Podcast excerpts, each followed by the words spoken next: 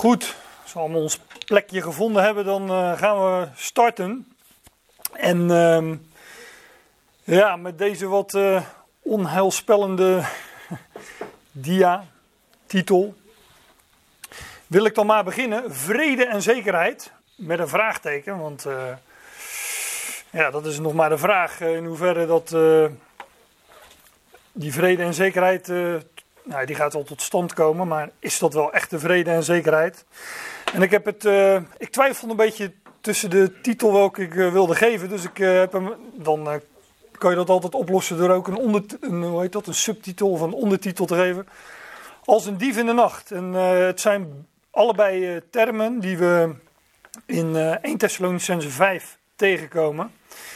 En ja, het is niet zo dat ik niet eerder over dit onderwerp gesproken heb, want dat heb ik wel eens gedaan en dat is nog niet eens zo lang geleden. Dat heb ik van de week even opgezocht. Die, uh, ik heb ooit een studie gegeven, die, uh, die had dus de titel Als een dief in de nacht.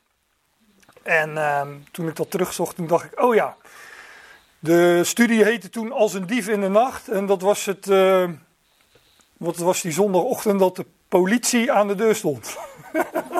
Bij jouzelf? Ja. dus die kwamen als, uh, niet, nou, niet als een dief in de nacht, want het was ochtend, maar die kwamen even kijken uh, in hoeverre men uh, vond dat de coronaregels nageleefd werden. Jammer natuurlijk.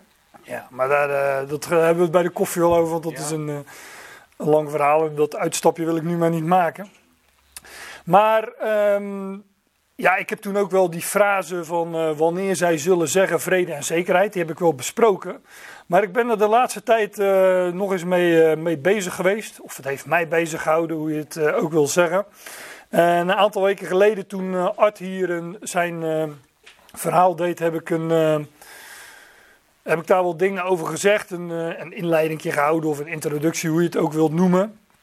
En toen dacht ik van ja, ik zou dat, eh, ik zou dat, dat gedeelte best nog eens, eh, eens willen bespreken. Omdat ik daar eh, toch nog eens wat dieper ben ingedoken. En ja, wat ik daar, mijn bevindingen daarvan zou ik jullie graag eens voor willen houden. Nou, ik dacht ik ga niet weer in eh 1 Thessalonicense 4 eh, beginnen met de bespreking. Hè. Ik ga een beetje vanuit dat jullie dat gedeelte van het voorafgaande van 1 Thessalonicense 5, dus die laatste verse van 1 Thessalonicense 4, dat jullie die kennen. Hè. Dat gedeelte gaat over, eh, over de wegrukking. Zoals dat, eh, of de opname van de gemeente, zoals dat in, eh, in de meeste kringen meestal genoemd wordt.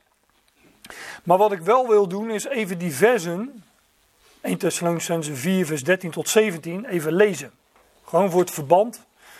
Want ja, ehm er ligt een overvloede. Eh, in 1 Thessalonicense 5, dat gedeelte wat ik dus wil gaan bespreken, daar begint een nieuw hoofdstuk. Maar ja, Paulus heeft gewoon een brief geschreven aan die Thessalonicense. En die, eh, Paulus zat echt niet met, eh, nou, ik ga nu eens aan een nieuw hoofdstuk beginnen. Het is gewoon een, een doorgaande redenering en een doorgaande uiteenzetting in zijn brief die hij schreef aan de Thessalonicense. Dus dan vangen we maar aan in eh, vers 13 van hoofdstuk 4. Dus ja, natuurlijk ook al eh, vier hoofdstukken daaraan vooraf gegaan. Maar deze brieven, de beide Thessalonicense brieven, lees ze maar eens door. Die spreken echt over de, de, de toekomstverwachting van, eh, van de gelovigen. En Paulus zegt dan in eh 4 vers 13, maar wij willen niet dat jullie onwetend zijn, broeders, wat betreft hen die ontslapen zijn. Eigenlijk staat er zoiets als die, eh, die rusten. Opdat jullie niet bedroefd zullen zijn, zoals de overigen die geen hoop hebben. Dus Paulus, wat Paulus hier ja, ik geef wel wat toelichting, omdat dat eh, van belang is voor het eh, navolgende, voor de versen die ik wil gaan bespreken. Maar wat Paulus hier zegt, hij zegt er zijn twee groepen, gelovigen, hè, jullie, en ik wil niet dat jullie onwetend zijn, broeders, wat betreft hen die ontslapen zijn, opdat jullie niet bedroefd zullen zijn, zoals de overigen die geen hoop hebben. Het gaat hier over de doden, in Christus noemt hij het straks, de ontslapenen. En hij zegt, nou, wij hebben hoop, wij hebben verwachting. En ik hou jullie dit voor, opdat jullie niet onwetend zijn, zoals ja, eigenlijk de overigen, en dan de, de ongelovigen of de onwetenden van mijn part, maar degene die, die deze hoop niet hebben, ehm, ja, die zijn dus bedroefd zonder hoop. En wanneer ons mensen ontvallen, hè, waar ons broeders of zusters ontvallen, zijn we ook bedroefd, maar dan met hoop. Dat is wat hij eigenlijk zegt. Want indien wij geloven dat Jezus stierf en opstond, zal God ook zo hen die ontslapen zijn, door Jezus uitleiden samen met hem. Zo, hè, zo zal, God, zal God ook zo hen die ontslapen zijn, dus net zoals Jezus stierf en opstond, zal God ook zo, door opstanding dus, hen die ontslapen zijn door Jezus leiden of uitleiden of meebrengen, uh, meenemen samen met Hem. Want dit zeggen wij tegen jullie met een woord van de Heer. Paulus spreekt echt de gelovigen aan. Ik zei zojuist in, dat, in vers 13. Uh, hij spreekt hen aan en daartegenover zet hij de overigen. Dat doet hij trouwens in uh, hoofdstuk 5 ook, daarom haalde ik dat aan. Daar heeft hij het ook, ook over wanneer zij zullen zeggen, vrede en zekerheid. En heeft hij het ook in, dat is in 5 vers 3 en in 5 vers 6, heeft hij het ook weer over de overigen. Dus daar wordt echt een, eh, een, eh, een onderscheid gemaakt. Want dit zeggen wij tegen jullie met een woord van de Heer. Dus dit had hij rechtstreeks van de Heer overgeleverd gekregen. En nu hoop ik dat jullie bekend zijn met andere schriftgedeelten waar Paulus spreekt over die, uh, over die wegrukking. 1 Korinthe 15 bijvoorbeeld, het hoofdstuk over de opstanding. Maar daar zegt hij, broeders, ik zeg jullie een geheim, een verborgenheid. Dat was tot dan toe, was dat niet bekendgemaakt, niet geopenbaard. En Paulus was degene die het bekend maakt. Met een woord van de Heer. En in 1 Korinthe 15 nogmaals noemt hij het een geheimenis of een verborgenheid. Want dit zeggen wij jullie. Met een woord van de Heer. Dat wij die levend overblijven. Tot in de aanwezigheid. Tot in de parousia van de Heer. In de, in de meeste vertalingen is dit woord aanwezigheid. Parousia in het Grieks. Is vertaald met komst of toekomst. Populair zouden wij zeggen de wederkomst. Maar het woord parousia houdt wel wat meer in dan uh, het moment van komen. Het woord parousia, daarom uh, geef ik het ook weer met aanwezigheid, want dat is het letterlijk, wat het letterlijk betekent. Het wordt ook wel eens gebruikt, echt in tegenstelling als Paulus schrijft van ja, um, ik, ben niet, uh, ik ben niet aanwezig, maar afwezig. Hè, dan gebruikt hij parousia en apousia. Maar de aanwezigheid van de Heer is het moment van zijn komst, maar ook het moment van zijn aanwezigheid. Vanaf het moment dat hij komt en aanwezig is. Zoals zijn eerste parousia, zijn eerste komst, dat ook is. In de evangelie wordt, werd hij geboren in Bethlehem. Nou, dat was zijn komst in het vlees. Maar daarop volgde pak een beetje 33 uh, jaren van zijn aanwezigheid. Dit zeggen wij jullie met een woord van de Heer, dat wij die levend overblijven tot in de parousia, in de aanwezigheid, in de toekomst van de Heer. Wij zullen absoluut niet degene die ontslapen zijn inhalen.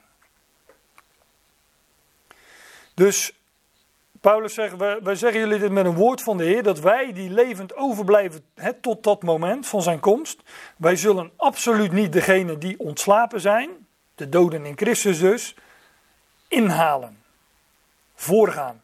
Kijk, waarom Paulus dit gedeelte schrijft, is uh, waarschijnlijk heeft hij vragen gehad van die Thessalonicenzen of hij heeft begrepen dat er uh, onzekerheid of twijfel was over het moment van de komst van de Heer. Zij hadden een toekomstverwachting, zij zagen uit naar de, ja, dat, naar de spoedige komst van de, van, van, van de Heer.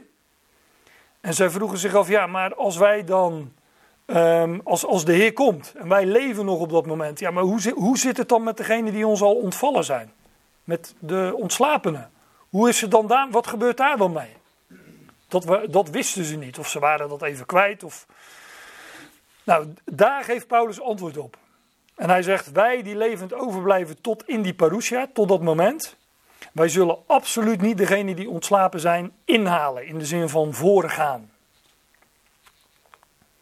Want de Heer zelf zal in een bevel, met een bevel, maar staat echt letterlijk in, en dat uh, in de komende versen drie, in de komende zinnen drie keer, in een bevel, in de stem van de aartsengel, Michael zeg ik erbij, is de aartsengel volgens Judas, de aartsengel, hè, dat is een aartsengel, is een, een overste of een eerste van de engelen of van de boodschappers. Nou, dat is, volgens Judas is dat uh, Michael. En, en, er zijn allerlei uh, andere versen in openbaring, maar ook in Daniel, waar ook die Michael genoemd wordt. En elke keer gaat het over, dat, over die, oh, datzelfde moment, diezelfde periode. De Heer zelf zal in een bevel, of met een commando, of hoe het er ook staat in andere vertalingen, met de stem, in de stem van de aartsengel en in de bezuin van God, neerdalen vanaf de hemel. Dus op het moment van dat zijn parousia aanvangt, dan zal er een bevel, de stem van de aartsengel en een bezuin van God klinken. En of dat allemaal hetzelfde is, mag u, uh, mogen jullie zelf bepalen. Um, maar in ieder geval gaat dit moment vooraf door, uh, ja, door een bezuin of de stem van de aartsengel en een commando, een bevel. Nou ja, die bezuin werd wel eens werd geblazen als commando en bevel. En uh, ik denk dat Michael dan degene is die die bezuin gaat blazen. En dat wij die ook gaan horen. Op, dit, op dat moment. Waar het hier over gaat. En dan weten we van, hey, we, we weten al van hey, als, we, uh, als we bepaalde dingen om ons heen zien gebeuren, dan weten we van nou, nou nu, uh, nu duurt het niet lang meer. Maar daar komen we op in 1 Thessalonians 5. Maar op het moment zelf zal er, er een bezuin klinken. ik denk echt dat dat letterlijk is ook. In ieder geval die bezuin die ook staat voor een, uh, voor een, voor een, roepstem, hè, een bevel, een commando. Er gaan dan namelijk allerlei gebeurtenissen plaatsvinden uh, die we bijvoorbeeld beschreven vinden in, uh, in Openbaring. Het boek Openbaring. De Heer zelf zal in een bevel, in de stem van de aartsengel in, en in de bezuin van God neerdalen vanaf de hemel en de doden in Christus zullen eerst opstaan. Want het gaat hier over degenen die ontslapen zijn. Die uh, zijn het onderwerp. Vervolgens zullen wij, die levend overblijven, tegelijkertijd samen met hen weggegrist worden in wolken tot in een ontmoeting van de Heer in de lucht. Een beetje letterlijk vertaald heb ik het. Maar de doden in Christus zullen eerst opstaan. Vervolgens zullen wij, die levend overblijven, tegelijkertijd samen met hen weggegrist of weggerukt worden in wolken. Ik heb dat woord weggegrist aangehouden, omdat een dief ook dingen weggrist. Dus daar kom ik nogal op. Maar vervolgens zullen wij, die levend overblijven, tegelijkertijd met de doden in Christus die zijn opgestaan dus, weggegrist worden in wolken tot een ontmoeting van de Heer in de lucht.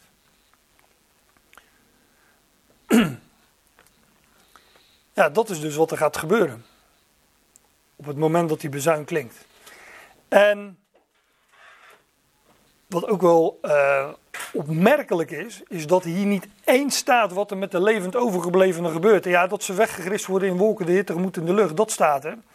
Maar je moet bijvoorbeeld in 1 Korinthe 15 zijn, vers 51, om te weten dat, de leven, dat degenen die op dat moment nog leven, veranderd worden. En die ontvangen in één keer een nieuw lichaam. Net als de doden in Christus waarvan hier gezegd wordt dat ze zullen opstaan. Ze zullen de levend overgebleven in een atomos, zegt 1 Korinthe 15, in een oogwenk, in een punt destijds, een ondeelbaar ogenblik veranderd worden. Dan wordt het sterfelijke door het leven verslonden. Of het vergankelijke, onsterfelijke lichaam wordt in één keer onvergankelijk. Dat gaat op dat moment gebeuren. Dat zie je in 1 Korinthe 15. Ik heb er hier nog een paar genoteerd. Filippenzen 3, vers 21 staat ook dat we veranderd worden. 2 Korinthe 5, de eerste vier versen, lees je dat ook. Daar heet het dan weer anders. Overkleed worden. Nou, dat zijn allemaal van die schriftgedeelten die erover spreken. Maar hier, als je heel precies leest, staat het niet eens wat er gebeurt met ons die levend overblijven. Ja, weggerukt, weggegrist worden. Maar wat er met ons lichaam gebeurt, dat vind je niet eens. Want hier gaat het over de doden. Tenminste, primair. En secundair uh, over de levend overgebleven.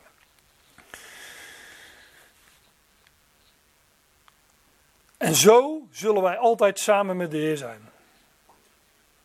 Delend in zijn positie. Aangesteld worden tot zonen. We ontvangen ons lotsdeel. Noem het nu vast, omdat ik het straks nog een keer uh, um, op terugkom. Maar ja, als jullie, als, als ze nu zijn, zeggen, nou, nu spreek je al een beetje in raadselen. Ja, dat aangesteld worden tot zonen, daar gaan we nog op komen als we Romeinen 8 bespreken. Um, dat is hetzelfde ook als ons lotsdeel, onze erfenis ontvangen. We gaan dan delen. We zijn samen lotbezitters van Christus, zegt, uh, dat zegt Romeinen 8 ook, maar ook de, de Efezebrief gaat daarover. En wanneer wij worden, wanneer dit moment plaatsvindt, dat moment van de wegrukking, dan worden we in die positie daadwerkelijk gesteld. En, en dus zullen wij zo, namelijk in die uh, hoedanigheid, met een opstandingslichaam, altijd samen met de Heer zijn, delend in zijn positie. Hij zal deze hele schepping gaan onderschikken, onderwerpen, verzoening tot stand brengen, uh, alles rechtzetten en wij gaan in die positie delen. Waar Christus is, daar zijn wij als zijn lichaam bij. Met hem, samen. En vandaar bemoedig elkaar dus met deze woorden. En dat gaat, dat gaat natuurlijk ook over het wanneer ons uh, broeders en zusters ontvallen, dan zouden wij dus niet zeggen, ja, die juicht nu voor Gods troon. Nee, we zouden elkaar met deze woorden bemoedigen. Dat is wat Paulus zegt. Nou, dan komen we in 1 Thessalonicense 5, maar zoals gezegd, het, uh, ja, uh, Paulus schrijft gewoon verder. Hè? En hij zegt dan, maar wat betreft de tijden en de gelegenheden, broeders, is het niet nodig dat aan jullie geschreven wordt. Hij moest ze wel even updaten wat betreft uh, hoe zit het dan met de doden in Christus, degene die ontslapen zijn. Hij zegt, maar het feit wanneer deze gebeurtenissen plaatsvinden, ja, dat hoef ik jullie niet te vertellen. Dat is wat hij zegt. Tijden en gelegenheden, dat, dat is een uitdrukking. Ik, ben wel eens, uh, ik heb wel eens al die woorden opgezocht. Alle twee die woorden. En uh, wat is dan het verschil? Nou, wat je dan vooral ziet is dat ze heel veel overeenkomsten hebben. Dat ze ook door elkaar gebruikt worden. Het gaat natuurlijk over de tijd waarin en de gelegenheid, of de tijden en de gelegenheden waarbij deze gebeurtenis, of gebeurtenissen, want het zijn natuurlijk diverse, doden in Christus die zullen opstaan en levend overgebleven die zullen veranderd worden en tezamen weggerukt worden in wolken de Heer tegemoet in de lucht. Maar ook het voorgaande, de stem van de aartsengel enzovoort. De tijd en de tijden en de gelegenheden waarin dit waarbij of waarin dit plaatsvindt. Daar hoefde Paulus hun dus niet over te schrijven. Nou, als er ergens misverstanden over bestaan, denk ik altijd, is het over wanneer gaat dit nou gebeuren? Maar, maar die Thessalonicenzen, die, eh, die wisten dat wel. Dus we, als wij het ook gewoon lezen, weten wij het ook, denk ik dan, eh, denk ik dan maar gewoon. Ja, het gaat, de, de, de, tijden en de gelegenheden. Ik, ik zat uh, deze versen in de NBV-vertaling te lezen. Niet omdat ik die nou zo graag erbij pak, maar met kinderen lees ik die wel eens. Omdat het toch wat, uh, wat toegankelijker is dan de Statenvertaling. En dan geef ik daar af en toe wat commentaar bij natuurlijk. maar daar staat van zoiets van het moment waarop deze gebeurtenissen plaatsvinden, broeders hoef ik jullie niet te schrijven. Nou, dat is, dat is niet echt vertaling, meer uitleg, maar dat klopt wel. Dat is wel precies wat het is. wanneer vindt die opstanding van doden plaats? En de verandering, verandering van de levend overgeblevenen in die parousia van Christus. Wanneer vindt dat plaats? Nou, daarover hoef ik jullie niet te schrijven, zegt Paulus. Dat weten jullie uh, donders goed, laat ik het maar gewoon zo zeggen. Nou, die twee woorden, chronos keiros, als je verschil wilt maken, is het, het ene de tijdsverloop en de andere is de gelegenheden meer bepaalde tijd. Wat dan ook het verschil mag wezen, maar. Maar wat betreft de tijden en de gelegenheden, broeders, is het niet nodig dat er aan jullie geschreven wordt. Want jullie weten zelf nauwkeurig, zij weten dus nauwkeurig over die tijden en gelegenheden, dat de dag van de Heer zo komt als een dief in de nacht. Aha, daar is hij, de dief in de nacht. maar eerst maar even die andere frase, de dag van de Heer. Zij wisten nauwkeurig betreffende de tijden en gelegenheden. En zij wisten dus ook dat wanneer die dag komt. Het heette, het heette eerst de parousia van. Uh, hoe stond het er? Tot in de parousia van de Heer. En nu hier heet het weer de dag van de Heer. Maar de dag van de Heer. Die vangt aan bij zijn verschijning. En ik heb dat, dat schijning, dat verschijnen, hè, dat schijn, dat heb ik even geaccentueerd. Want die, die, die, dat taalgebruik, voor mij die beeldspraak, is natuurlijk niet uh, willekeurig gekozen. Een dag vangt aan wanneer de zon opgaat, dus wanneer de zon gaat schijnen. en dus de dag van de Heer vangt aan wanneer Hij verschijnt. En ja, ik zou, ik heb wel, ik, ik zou een, een, een, denk ik wel een Bijbelstudie-serie kunnen geven over die dag van de Heer. Want het is een, uh, een begrip dat we al vinden in het Oude Testament. Juist en vooral in de Tenach, in het Oude Testament. Hè, de dag des Heren, de dag van Yahweh. Maar de Tenach beschrijft wanneer die dag aanvangt voor het Joodse volk, voor Israël. En dan zie je dat die dag komt met, uh, staat er ook weer, dat de zon verduisterd zal worden, de maan zal haar schijnsel niet geven, uh, sterren zullen van de hemel vallen, de zon zal zijn als een harenzak. Ik heb wel eens een hele tamelijk uh, uitgebreide blog beschreven met, met, met mijn bevindingen daarover. Ik ben gewoon in, dat, in die term de dag van je, de dag des Heren gedoken. En toen ben ik voor mezelf gaan, uh, op een blokje gaan noteren wat ik dan allemaal tegenkwam. En dat heb ik in een, uh, in een blog gezet. En uh, ja, een beetje saai om te lezen wellicht, maar je krijgt wel een, een beeld van ja, wat gaat er op dat moment gebeuren. En dan zie je dat die, de komst van die dag des Heren gepaard gaat met allerlei oordelen. En dat, dat resulteert in zon en maan die verduisterd worden en de sterren die van de hemel vallen enzovoort. En dat, dat moment van zon en maansverduistering, sterren die van de hemel vallen, dat is echt een specifiek, specifiek tijdsmoment wat plaatsvindt aan het einde van de grote verdrukking.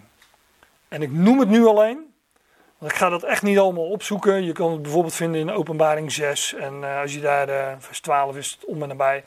En als je een bijbel hebt met tekstverwijzingen, zie je allemaal tekstverwijzingen staan naar uh, oud-testamentische profetieën, maar ook naar Matthäus 24 bijvoorbeeld, waar gewoon staat. En terstond na de verdrukking van die dagen, dus na die grote verdrukking, zullen zon en maan verduisterd worden enzovoorts. Dus na die 1260 dagen van grote verdrukking, dan worden zon en maan en sterren verduisterd. Dan, en dan vangt de dag des Heren voor Israël aan. Want dan verschijnt Christus op de olijfberg voor zijn volk. Zachariah 14. Zijn voeten zullen ten die staan op de olijfberg. Maar, zoals een dag, ook bij ons, op de ene plek eerder aanvangt dan op de andere plek, vangt voor ons die dag eerder aan dan voor Israël. Hij verschijnt namelijk eerder aan ons. En ik kan het nog meer uitbreiden. Voor de volkeren zal die dag weer later aanbreken. De zon gaat nou eenmaal op de ene plek eerder op dan op de andere. En dat is in, uh, in Gods heilsplan, om het dan maar zo te noemen, ook zo. En het is logisch dat die dag voor ons eerder aanbreekt, want wij zijn eerstelingen. Dat zal ik straks ook nog laten zien. Dus voor ons, voor de Ecclesia, het lichaam van Christus, vangt die niet aan na de grote verdrukking, maar voor de grote verdrukking. Voor Israël dus na de grote verdrukking. Anders gezegd, bij zijn onthulling of openbaring. En ehm, ja, die dag van de Heer, er is, er is een heel Bijbelboek dat daarover gaat. Dat is het Bijbelboek, de Apocalyps, de openbaring of de onthulling. Want dat boek vangt zo aan, de onthulling van Jezus Christus, of de openbaring, hè, de apocalyps staat hier in het Grieks. En dan zegt Johannes een paar versen verder, ik kwam in geest, ik heb, ik heb het niet goed gezegd, in, in de geest, maar gewoon in geest staat er, in de dag van de Heer. En ik hoor achter mij een stem zo luid als een bazuin. Maar Johannes, de schrijver van het Bijbelboek Openbaring, beschrijft de gebeurtenissen die plaatsvinden bij het moment van wanneer de onthulling, de openbaring van Jezus Christus aanvangt. En dat gaat plaatsvinden in de dag, zo'n lange periode, geen dag van 24 uur, veel langer. Maar in, dat gaat plaatsvinden in de dag van de Heer. En Johannes is gewoon overgezet. Of het in het lichaam is of buiten het lichaam, weet ik niet. zou Paulus zeggen wellicht. Maar, hè? ja, in geest, ja. Maar die is gewoon overgeplaatst in de dag van de Heer. Die heeft een tijdreis gemaakt. Dus God heeft hem daar gewoon neergezet en uh, heeft gezegd van nou schrijf jij nou eens op wat, je ziet. Ja, en toen moest Johannes dingen opschrijven die hij uh, wellicht wat lastig uh, onder woorden kon brengen. Want, nou ja, stel je voor dat hij het over auto's had moeten hebben. Ja, wat, wat, wat moet hij dan schrijven? Ik zeg maar wat. Dat, dat begrip kent hij helemaal niet. Dus hij heeft het met bepaalde beelden, uh, en daarom is het nogal cryptische en vaak cryptische en cryptische manier van beschrijven en beeldspraak. Maar dat is de schuld. Maar de, wanneer, de, wanneer Jezus Christus geopenbaard gaat worden, is dat dus wanneer de dag van de Heer aanvangt. En voor ons vangt die dag eerder aan. En ik noem het nu alleen, maar uh, ik, heb niet ik heb dat niet eens in mijn dia's verwerkt. Maar Paulus heeft nogal wat synoniemen voor die dag. De dag van Christus, de dag van Jezus Christus, nou, enzovoort. Maar dat is gewoon het moment waarop hij verschijnt. En dat als eerste zal hij aan ons verschijnen. Want wij, wij gaan delen in zijn positie. Wij zijn zijn lichaam. Dus het is eigenlijk ook volstrekt logisch dat dat als eerste gaat plaatsvinden. En dan voor Israël en dan voor de volkeren. Jullie weten zelf nauwkeurig dat de dag van de Heer zo komt als een dief in de nacht. Hm. Nou, die hebben jullie vast wel eens gehoord. Van als je spreekt over de dingen van de toekomst, hè, van eh, dat we uh, de profetische tijdlijn, dan, uh, dan, dan heb je vast wel eens gehoord van, uh, ja, maar wij, kunnen niet weten wanneer dat is, want hij komt als een dief in de nacht. nou, als dat zo is, dan is het wat Paulus hiervoor gezegd heeft allemaal onzin. Want hij zegt, joh, wat betreft de tijden en de gelegenheden, broeders, is het niet nodig dat er in jullie geschreven wordt. Want jullie weten het zelf nauwkeurig dat de dag van de Heer zo komt als een dief in de nacht. Dus zij wisten blijkbaar wel wanneer en hoe die dag zou komen. Maar het zal voor degene die uh, niet in het licht wandelen, om het maar zo te zeggen, daar zal het onverwachts en plotseling voor zijn. Dat zegt het volgende vers, dus uh, ik lees straks gewoon verder. maar waarom als een dief? Nou ja, ik, ja, dat had ik, eigenlijk, had ik. Waarom als een dief? Zo had ik het eigenlijk moeten doen. Hij komt als een dief in de nacht, omdat het overgrote deel van het, de overigen, hè, zij die zullen zeggen vrede en zekerheid, volgende vers. Die leven in duisternis, want die herkennen niet wat, wat er gebeurt. En voor hen zal hij onverwachts komen en als een dief in de nacht. Maar ook omdat hij iets gaat wegnemen, weggrissen. Dat is namelijk wat een dief doet. Een dief komt in de nacht en die neemt iets weg. En dat gebeurt Als hij het goed doet tenminste, die dief. Dan gebeurt dat onverwachts en plotseling. En ehm, wanneer je dan, eh, als dat een, bijvoorbeeld een woninginbraak is, dan kom je daar pas de volgende ochtend achter als je wakker wordt en je komt beneden en je denkt, hé, hey, mijn televisie is weg. He, zoiets. Maar zij wisten dat, die Thessalonicenzen. Zij wisten, die dag komt als een dief in de nacht. En dat is onverwachts, plotseling, voor degenen die niet in het licht wandelen. En omdat, die, omdat de Heer iets gaat wegnemen, weggrissen. Maar dat hebben we net gelezen in 1 Thessalonicenzen 4, vers 17, wat hij gaat wegnemen. De doden in Christus die eerst zullen opstaan en vervolgens degenen die levend overgebleven zijn, zullen tezamen gelijkertijd met hen weggegrist worden. Weggerukt worden. In wolken de Heer tegemoet in de lucht. En vandaar ook dat, ook dat als een dief in de nacht. Want jullie weten zelf nauwkeurig dat de dag van de Heer zo komt als een dief in de nacht. En want wanneer zij, zullen, wanneer zij zeggen vrede en zekerheid, ik lees even verder, dan onverwachts staat verderf hem bij. Of staat ondergang of uitroeiing of wat dan ook. Zal een plotseling verderf hen overkomen, zegt de Statenvertaling geloof ik. Net zoals een barenzwee over een zwangere vrouw. En zij zullen absoluut niet ontsnappen. Zo, um, zoals de weeën over een, een, een vrouw komen hè, op zeker moment, als de, als de, de, de bevalling nabij is. Zo ook zullen die barensweeën hun overkomen. Kijk, een vrouw die op dat punt is aangekomen, die kan niet zeggen van nou, dit, dat, dat stop ik nog even weg, want het komt er nu niet uit. Die weeën, dat, uh, dat verschuiven we even een beetje. Nee, dat, dat gaat komen en op het moment dat het komt, dan weet je hoe laat het is. En dat dat uh, alleen maar uh, toe zal nemen. Ik geef toe, dat kan even duren voordat uh, uiteindelijk de bevalling komt. Maar ja, uiteindelijk is dat relatief altijd maar kort. Op die negen maanden. Hè? maar zo, dat, dat is dus niet tegen te houden. En die barensweeën zijn natuurlijk ook weer een uh, beeld van de, van de weeën, van de verdrukkingen die uh, op dat moment zullen gaan komen. Daar zullen zij niet aan ontsnappen, niet ontvluchten. Nou ja, wanneer zij zeggen vrede en zekerheid.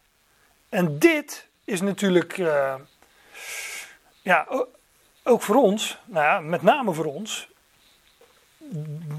een belangrijk van ja, maar, maar, maar, maar, waar gaat dit nou precies over? Want ja, ik hoef jullie toch niet te vertellen dat dit het moment is dat aanstaande is. En of, of dat nou een maand duurt of, of nog uh, een paar jaar. Dit is het punt wat we ja, ongeveer ja, wat we als eerste op de agenda kunnen verwachten.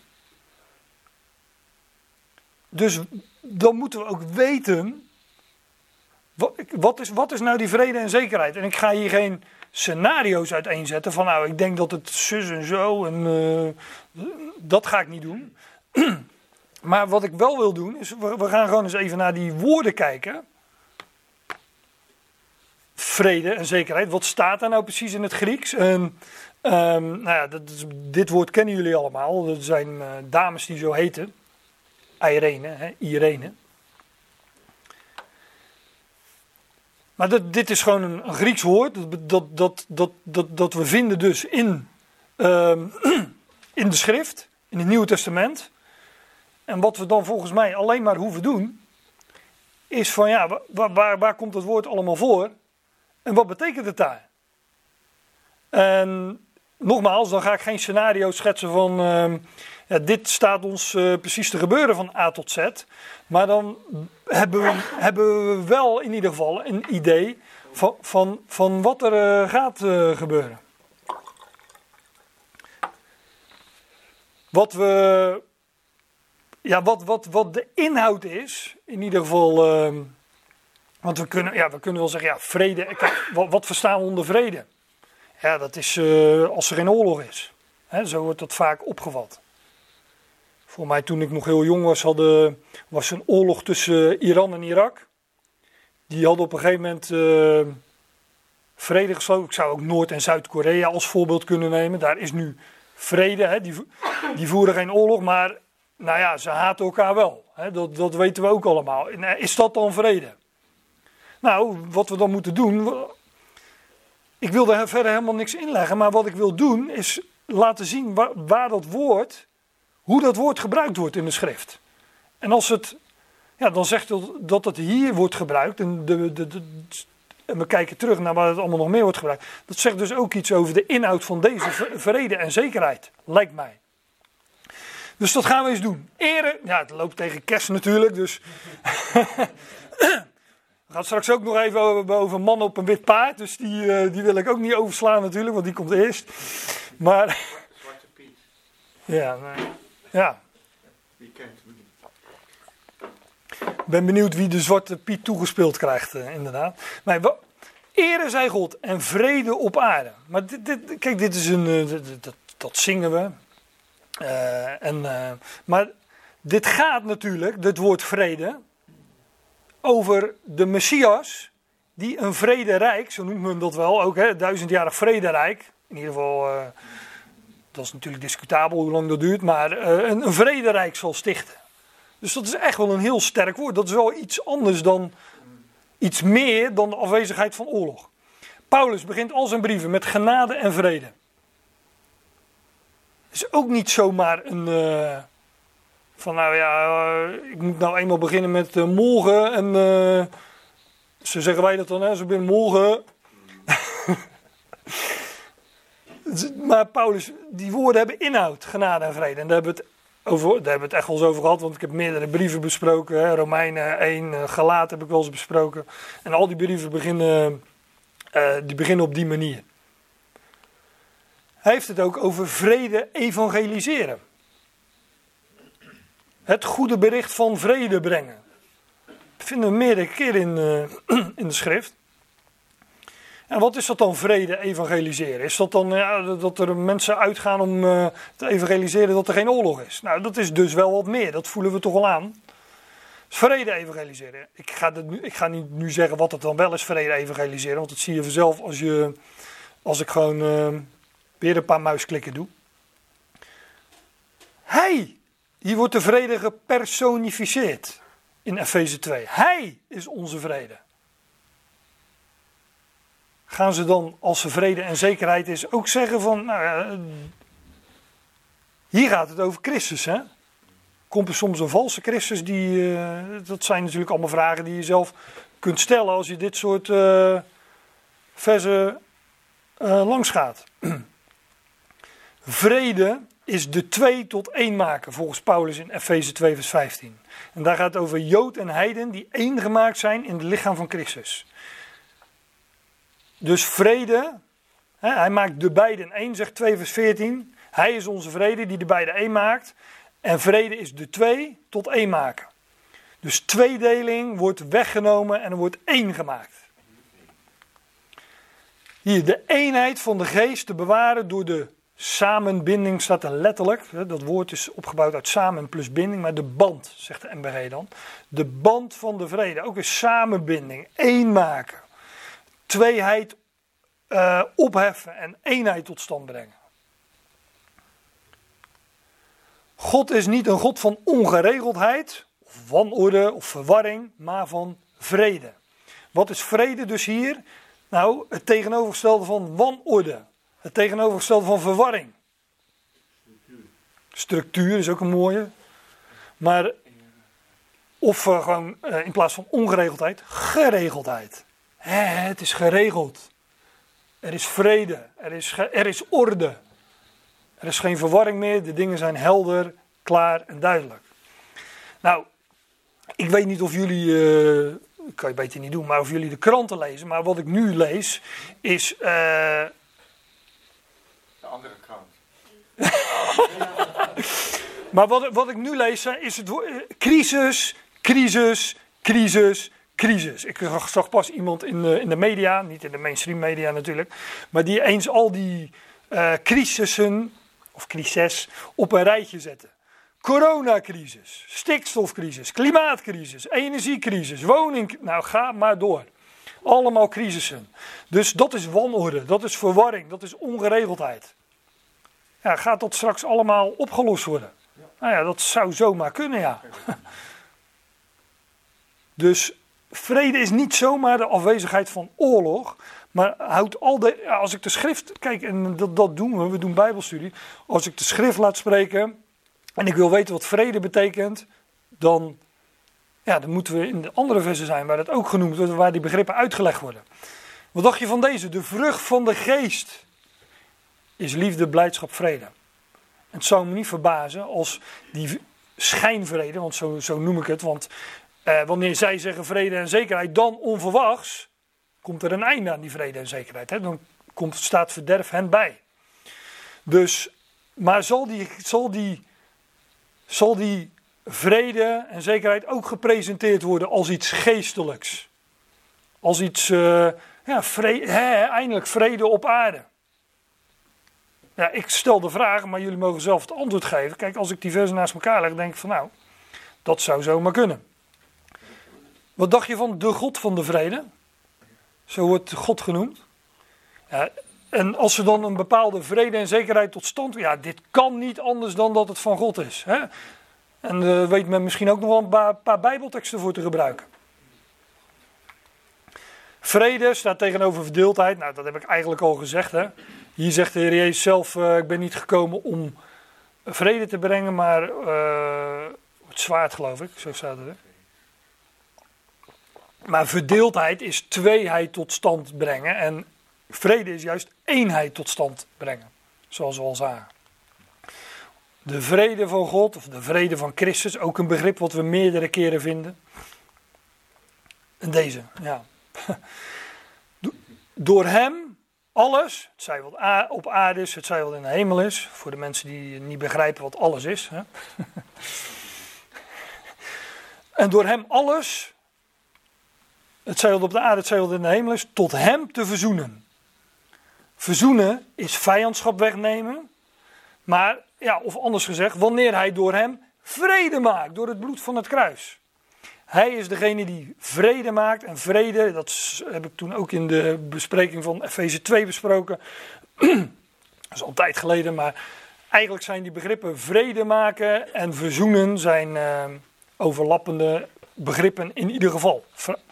Voor mij wat synoniem of vrijwel synoniem. Maar ook weer zo'n.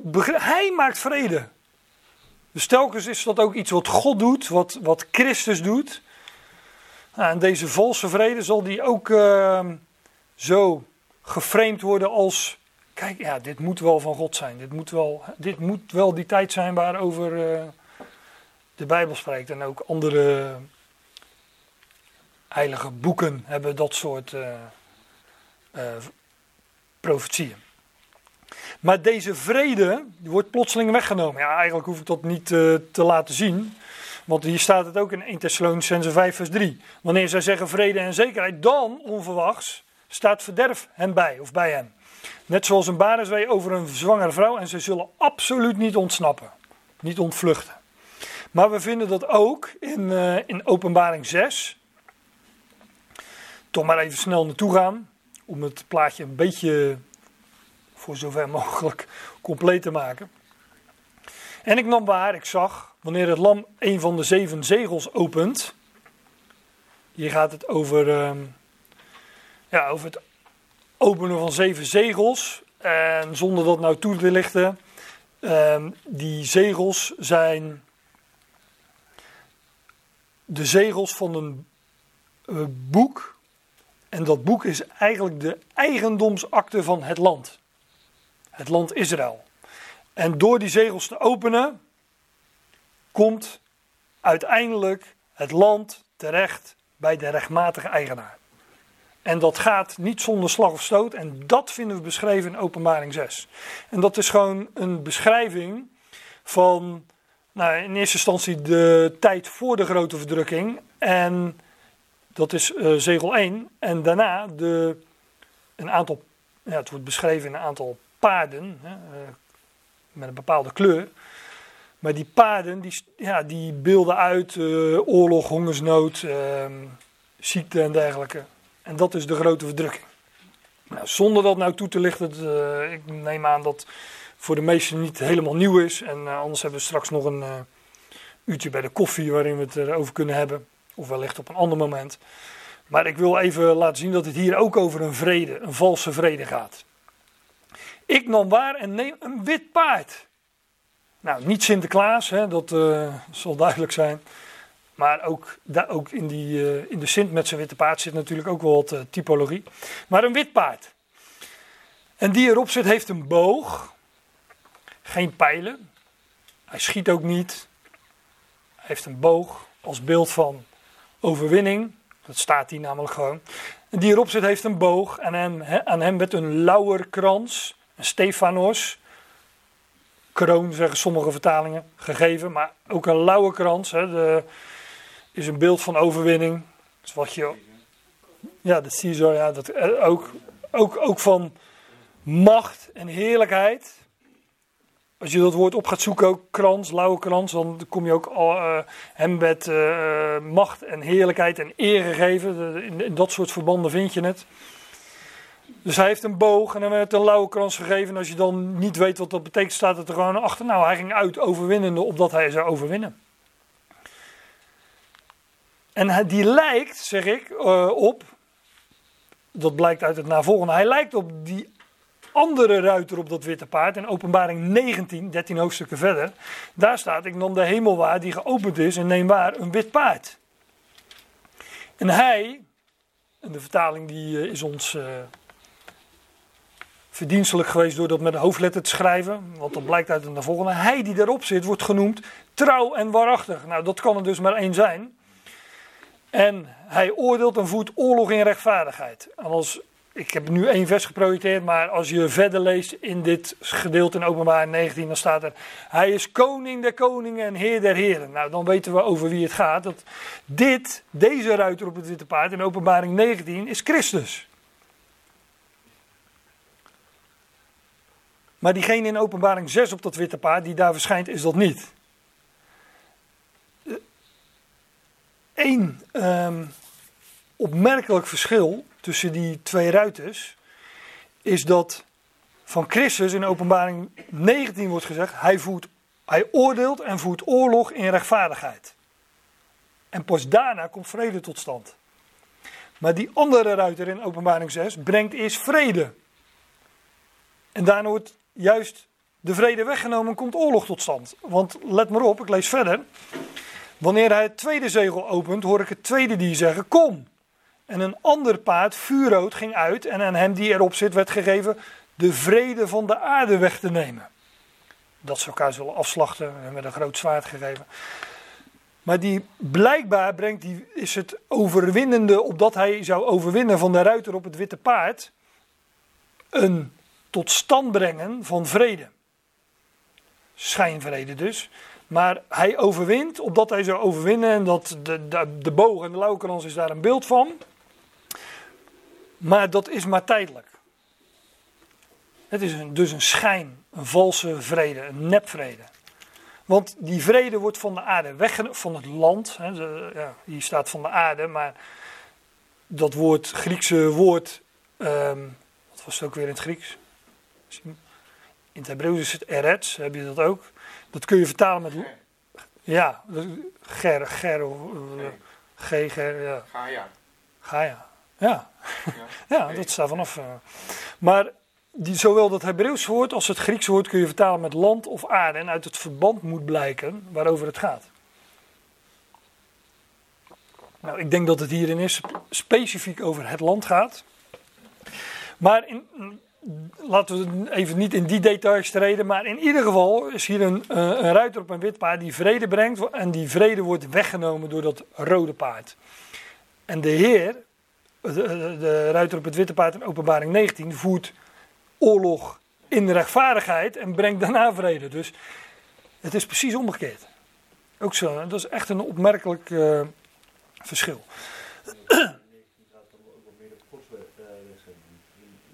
45 zegt God natuurlijk ook, ik, schep de duisternis, of, ik maak de duisternis en schep de vrede. En vanuit het kwaad komt het goede woord. Ja. Ja. Ja. Ja, en dit is in ieder geval een, uh, het goede waaruit het kwaad voortkomt. Deze valse vrede. No- nog iets, dat, zat ik, eh, dat, dat, ik had gisteravond dat woord eh, vuurrood, hè, een rood paard, een vuurrood paard, had ik eens opgezocht. Voor de fijnproevers die dat eens na willen zoeken. Komt maar drie keer voor in de Bijbel. Eén keer in handelingen, dan is het eh, de naam van iemand, zal een bijnaam zijn. Ik had, op school hadden wij ook iemand die voetbalde met ons mee, die noemden we of altijd die rooie of die vuurtoren. die had rood haar. Dus dat zal eh, een, eh, in handelingen 20 is het geloof ik, ik weet niet precies, zal het wel een bijnaam zijn. En die andere keer is in openbaring 12. Ik zag een, een vuurrode draak. Die die mannelijke zoon wil verslinden. Nou, dat is in dezelfde context van tijd, want die mannelijke zoon. Ik zag een vrouw die een mannelijke zoon voortbracht. Hè. Ik vat openbaring 12 even samen. Die vrouw is Israël, die mannelijke zoon is de Ecclesia, het lichaam van Christus. En die mannelijke zoon wordt weggegrist, weggerukt tot God en zijn troon.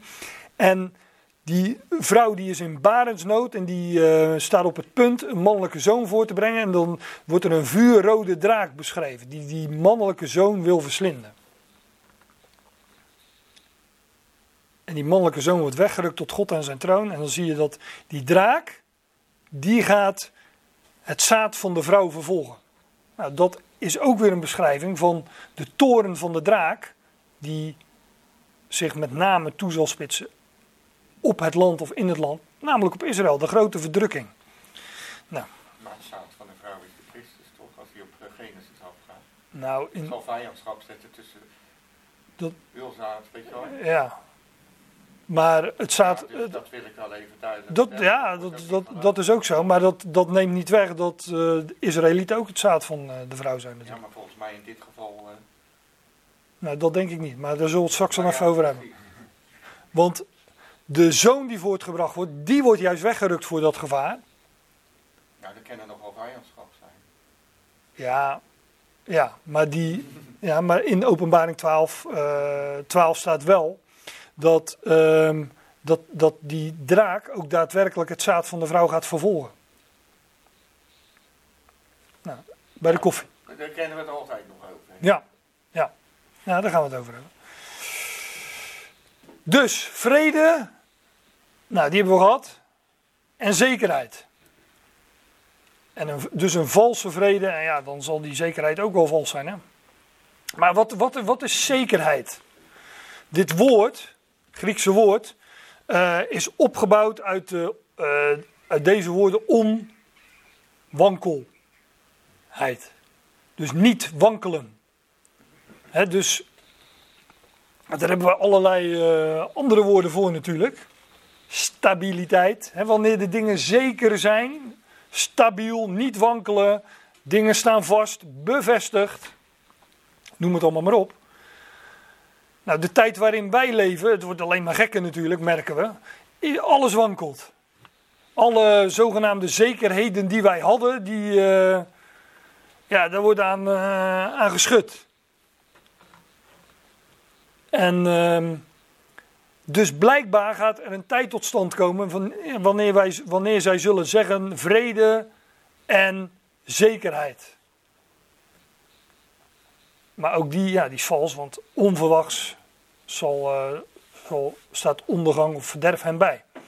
Nou, ook dat woord heb ik, eh, heb ik opgezocht en ehm, alle af, af, afleidingen, vervoegingen daarvan. ik, ik, ik, ik noem er een paar.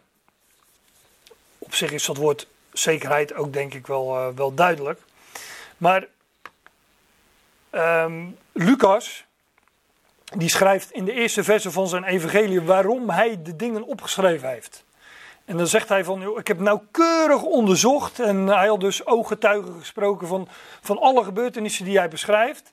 En omdat hij het vast wilde stellen, zwart op wit, zegt hij tegen Theophilus, die hij aanschrijft, opdat jij de zekerheid aangaande de woorden waar, eh, opdat jij de zekerheid beseft aangaande de woorden waarmee jij onderricht werd. Dus daarom heeft hij het zwart op wit eh, gezet. Wij vonden de gevangenis met alle zekerheid gesloten. Ja.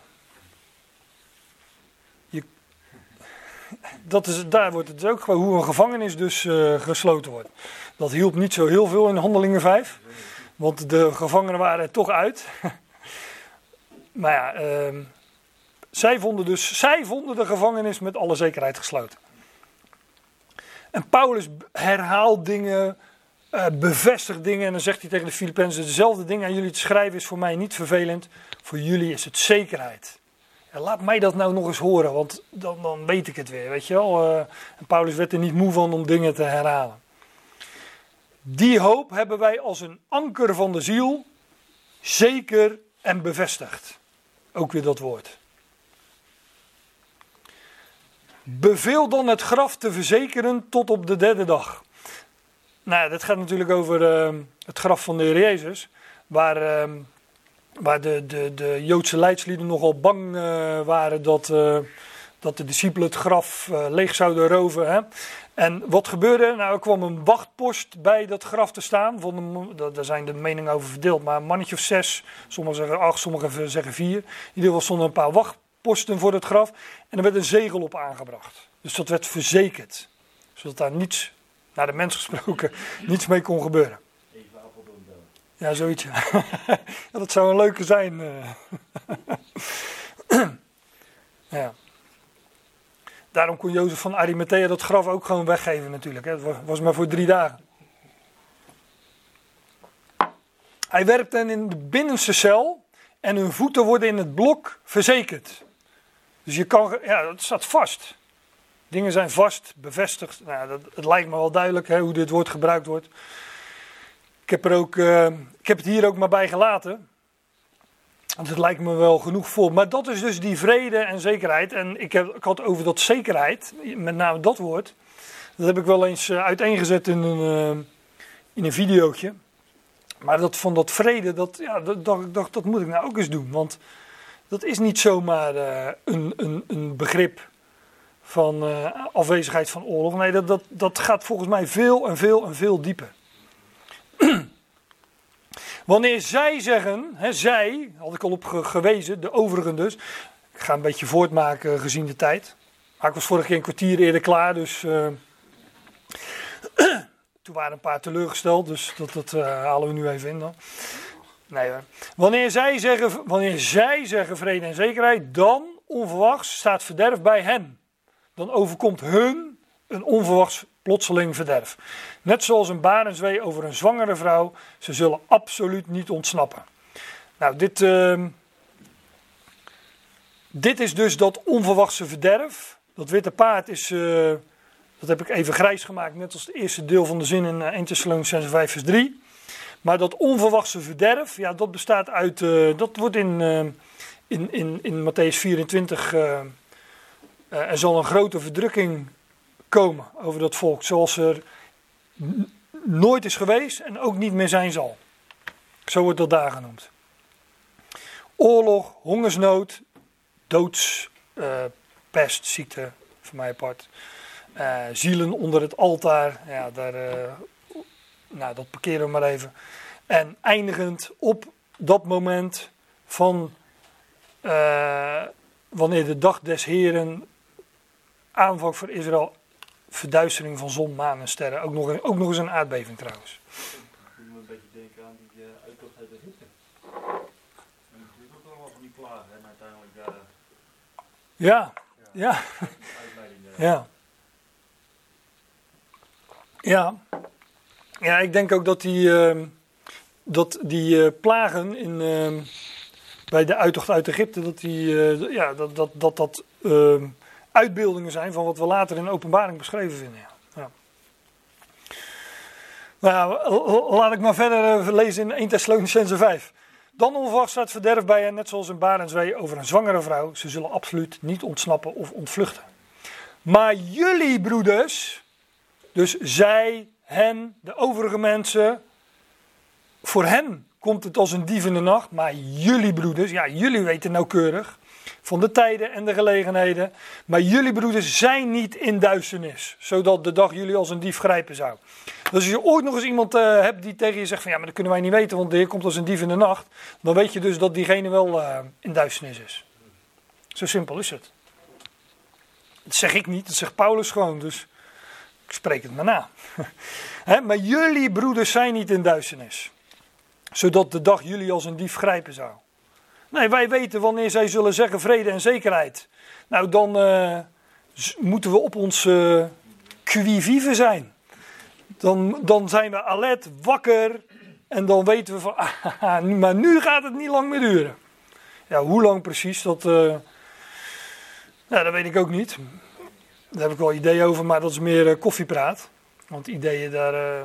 ik, geef, ik geef nu Bijbelstudie, dus.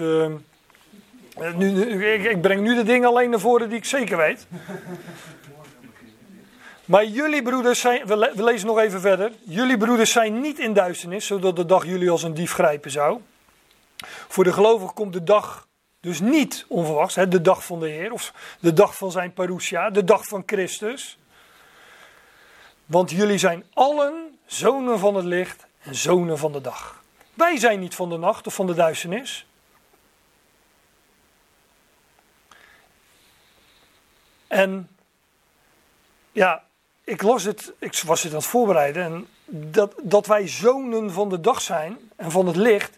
Dat is niet zomaar uh, mooi poëtisch taalgebruik of zo van Paulus, zat ik me van de week te bedenken.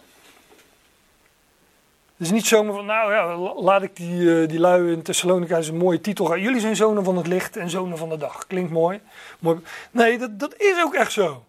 Want in de op het moment van zijn parousia, wanneer wij hem tegemoet gaan in de lucht, dan zullen wij altijd samen met de Heer wezen. Maar dat is ook het moment dat wij in de positie als tot zonen gesteld zullen worden. Namelijk tot erfgenamen of lotdeelbezitters of lotbezitters.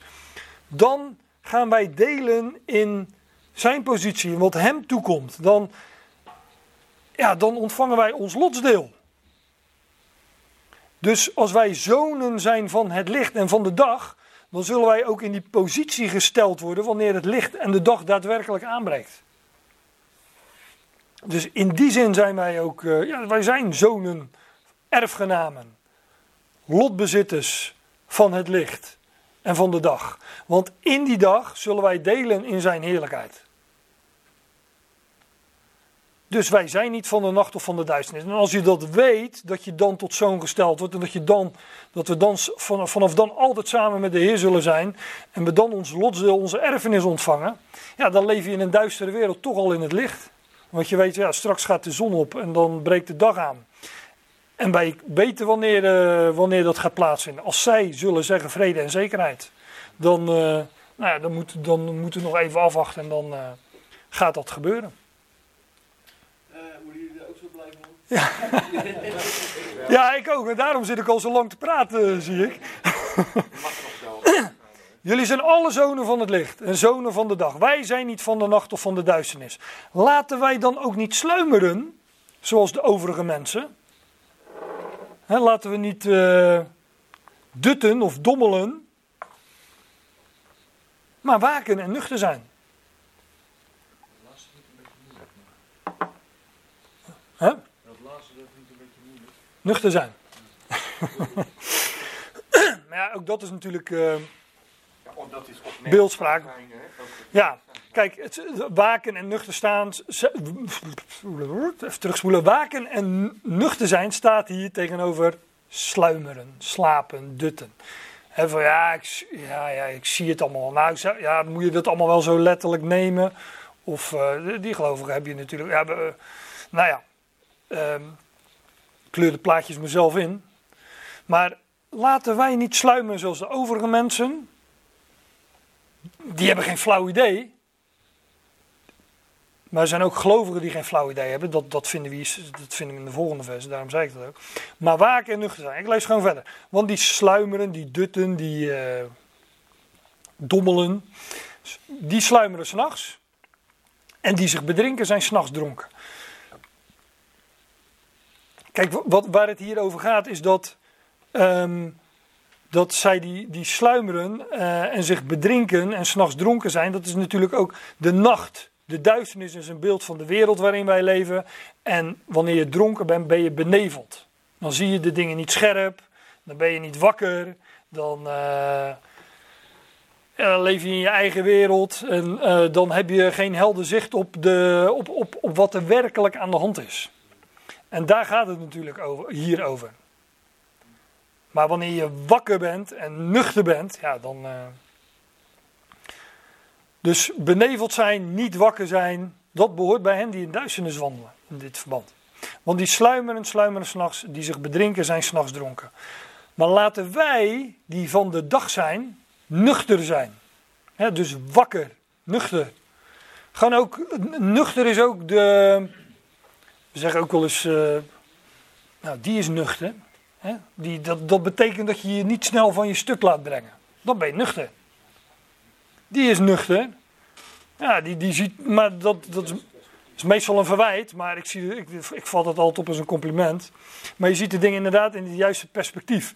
Je laat je niet gek maken, dan ben je nuchter. Door alles wat er gebeurt, je laat je niet gek maken, want wij weten, nou ja, het, het, eh, wij weten er is een God, hij heeft een plan. En wij weten, als, als zij straks zullen zeggen vrede en zekerheid, dan, uh, nou, dan, uh, dan gaan de poppen aan het dans. Ja, dan, dan nou, laat ik het met. Uh, dan staat uh, plotseling verderf hem bij. Laat ik het maar met die woorden zeggen. Ik moet even lachen, je hebt nou toch ook al een poppentheater? Ja, het is, uh, het is nu ook al theater. Ja.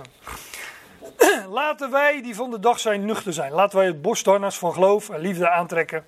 En de helm, de hoop van redding. Ja.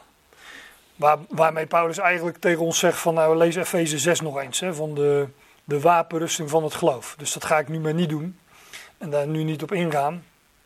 Maar wij zijn zonen van het licht en van de dag. Met verlichte ogen van het hart, dat is ook Efeze. En dus, dus zien wij uit naar die hoop. En vandaar dat we die, uh, eigenlijk staat er gewoon de, hel, de hoophelm. Dat we die hoophelm op zouden hebben. En wat, dat, dat is het enige wat ik erover zeg. Wat is een helm? Waarom een helm? Nou, dat heeft met het denken te maken. Waar zou ons denken bij bepaald worden, maar ook door beschermd worden, door geleid worden, door de verwachting van redding. En daar heeft Paulus het over in dit gedeelte. Over de wegrukking, want wij worden gered van of uit de toekomende toren, zei hij in 1 vers 10.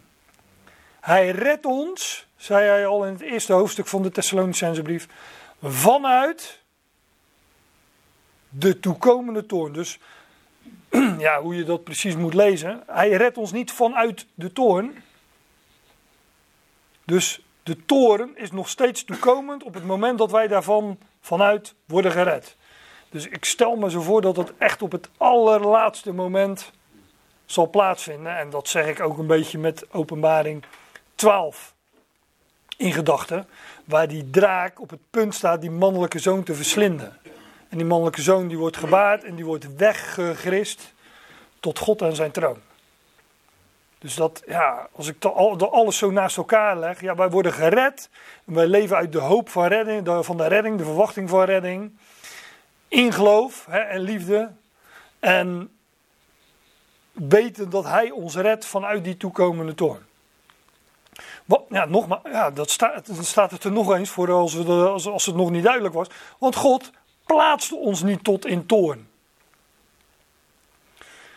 Wij worden niet tot plaatsen stellen. Het, het woord uh, theos en plaatsen, dat, dat, is dezelfde woordstam. God is de plaatser, de beschikker, de, hij stelt de dingen. Nou, wij worden niet tot in toorn gesteld. Want, maar kijk wat hier staat. Hè? Dat, maar dat is helemaal in lijn met het voorgaande. Met 1 Thessalonicense 4 en 5.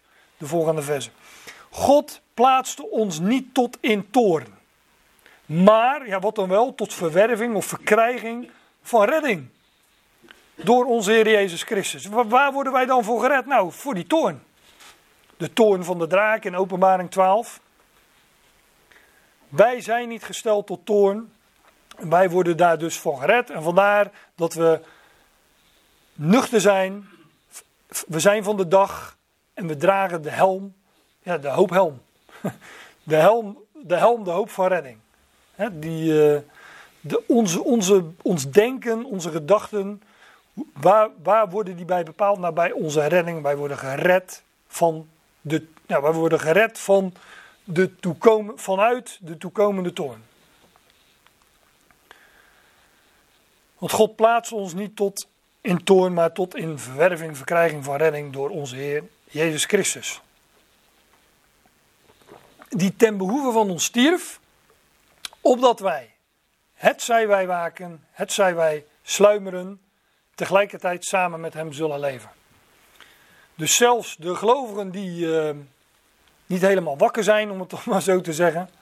Ja, het is niet zo dat die eh, de boot, dat is niet helemaal de juiste beeldspraak denk ik, maar dat die, eh, dat die dit moment missen of zo. Hè? Omdat het zij wij waken, het zij wij sluimeren, tegelijkertijd samen met hem zullen leven. Sommigen die zeggen nog, ehm, maar ik denk niet dat dat zo is. Omdat sommige vertalingen hebben zeggen, opzet zij, het zij wij waken, het zij wij slapen. En dan zegt men dat gaat over de ontslapenen. Ja, dat is in ieder geval zo. Dat hebben we in het voorgaande gelezen.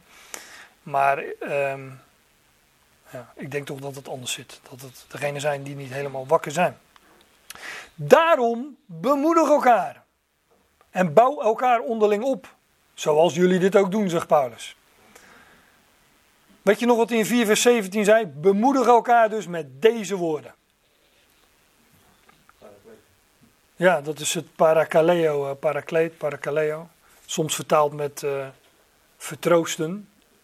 Nou ja, dat, dat, die inhoud zou het hier ook kunnen, kunnen hebben. Soms vertaald met vermanen. Vermaan elkaar dan met deze woorden. Slaat natuurlijk heel. Dat, dat, dat is echt een. Uh, hoe zeg je dat? Ja, dat, dat, dat, dat klinkt niet, hè? Dat, vermaan elkaar dus met deze woorden. Nee. Nee, dat is niet opbouwen. Nee. nee. Daarom bemoedig elkaar en bouw elkaar onder, onderling op, zoals jullie dit ook doen. Ja, en daarom wilde ik deze versen ook eens bespreken. En uh, dat heb ik bij, uh, bij deze gedaan. En dan wil ik afsluiten met een, uh, een woord van Paulus uit 2 Thessalonicense 2. Um, waar hij over dezelfde dingen spreekt. En ik heb dat toen ik uh, vorige keer dat inleidingje hield uh, uh, voor de spreekbeurt van Art. Toen heb ik die vers ook aangehaald. En ja, ik vind ze zo mooi dat ik het nog een keer wil doen. Hè? Zoals Paulus ook zei, het is mij geen probleem dat ik de woorden herhaal. En voor jullie is het zekerheid, zegt hij dan. Dus laten we elkaar, bouwen elkaar dus onderling op. Nou, dit zijn ook opbouwende woorden. En Paulus zegt, wij zijn verschuldigd God altijd voor jullie te danken door de Heer, geliefde broeders. Alleen dat feit al dat we geliefd, geliefd zijn en dat wij, ook, dat wij dezelfde God mogen kennen en door ons door Hem geliefd weten, alleen dat is al een reden om altijd te danken. Wij zijn verschuldigd God altijd voor jullie te danken door de Heer, geliefde broeders. Hier staat weer precies hetzelfde als in 1 Thessalonicense 4 en 5, dat God jullie als eerstelingen verkoren heeft tot in redding. Of tot redding. Wie worden er als eerste gered? Nou, wij. Dat is wat, uh, wat hier staat, maar dat vonden we al in 1 Thessalonicense 4 en 5. Dat God jullie als eerstelingen verkoren heeft tot in redding. Is allemaal genade, maar ja, dat, dat, dat weten we hoop ik. Hè? Het is niet, niet, niet naar onze werken, maar ja, uit zijn genade. In heiliging van geest en in geloof van waarheid. Ja. Daartoe roept hij ons ook door ons evangelie, door ons goede bericht, zegt Paulus. Daar, daar, hij roept ons tot als eerstelingen tot redding. Wij worden dus als eerstelingen gered. Daartoe roept hij ons ook. Door ons goede bericht, door ons evangelie, zegt Paulus. Tot in tot verwerving van de heerlijkheid van onze Heer Jezus Christus. Dus wat houdt die redding in? Waartoe zijn wij geroepen? Dat wij gaan delen in de heerlijkheid van onze Heer Jezus Christus. Anders gezegd, wat ik zojuist al aan, dat we aangesteld zullen worden tot zonen. Nog anders, dat we ons lotbezit, ons lotsdeel, gaan ontvangen en samen lotbezitters met Christus eh, zijn en worden. Wanneer Hij, Christus is nu verborgen, wij ook, ons leven is verborgen met Christus in God. En wanneer Hij geopenbaard zal worden, zullen wij met Hem geopenbaard worden in heerlijkheid. Vandaar tot in verwerving van de heerlijkheid van onze Heer Jezus Christus. Amen.